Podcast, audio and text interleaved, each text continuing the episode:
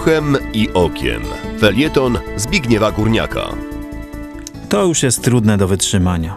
Oto ciągle ktoś mnie straszy, że za chwilę zostaniemy wyrzuceni z Unii, albo że zostaniemy do tej rezygnacji przymuszeni przez własny rząd, że wrócą granice, paszporty i wizy, że zamknie się rynek, że nas wyśmieją, wyszydzą, wyproszą z niesmakiem i że to wszystko dlatego, iż trzy lata temu Polacy zagłosowali tak, jak zagłosowali.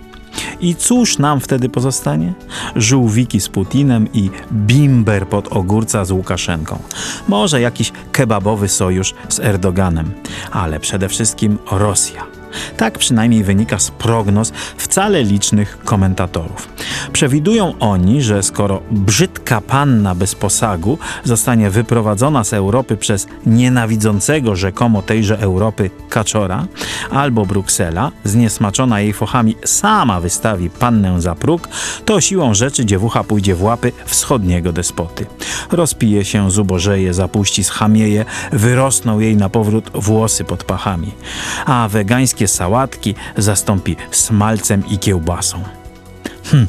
Trzy lata temu głosowałem jak większość narodu, a nie przypominam sobie, abym kiedykolwiek wcześniej lub później odczuwał, choćby w stopniu minimalnym, chęć opuszczenia Unii Europejskiej. Nawet w największym polemicznym lub jajcarskim zacietrzewieniu nigdy się na ten temat nie zająknąłem i to nie tylko z ostrożności, gdyż łatwo potem wykorzystać taką gafę przeciwko mnie, ukłony dla sieciowych followersów i tajnych researcherów, ale ja naprawdę nawet tak nie pomyślałem, aby dokądkolwiek z Unii wychodzić. Nigdy też nie spotkałem nikogo, kto chciałby, aby Polska opuściła Unię i to bez względu na wyznawane przez siebie poglądy. Czy był z prawa, czy był z lewa, był zawsze za Unią. Nie usłyszałem żadnego wezwania: wychodzimy z Europy. Nigdzie też czegoś podobnego nie przeczytałem, nawet na murze.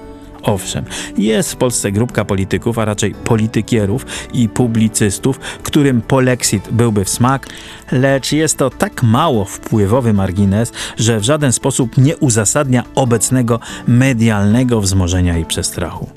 Skąd zatem tyle gadania o polexicie? Z dwóch powodów. Pierwszym jest cyniczne straszenie Polaków w celu wywołania w nich pożądanych reakcji wyborczych, czyli manipulacja.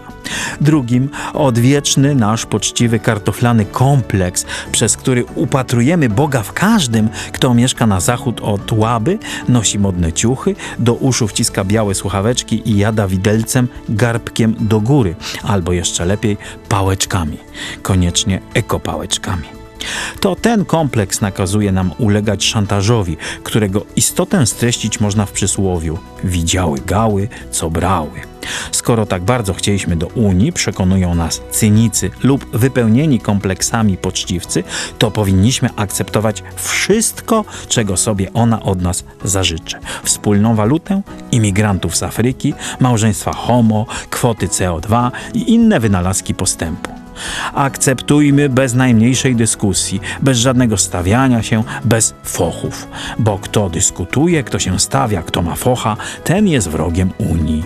Chce nas z niej wyprowadzić lub tak ją rozzłościć, żeby nas sama od siebie odrzuciła.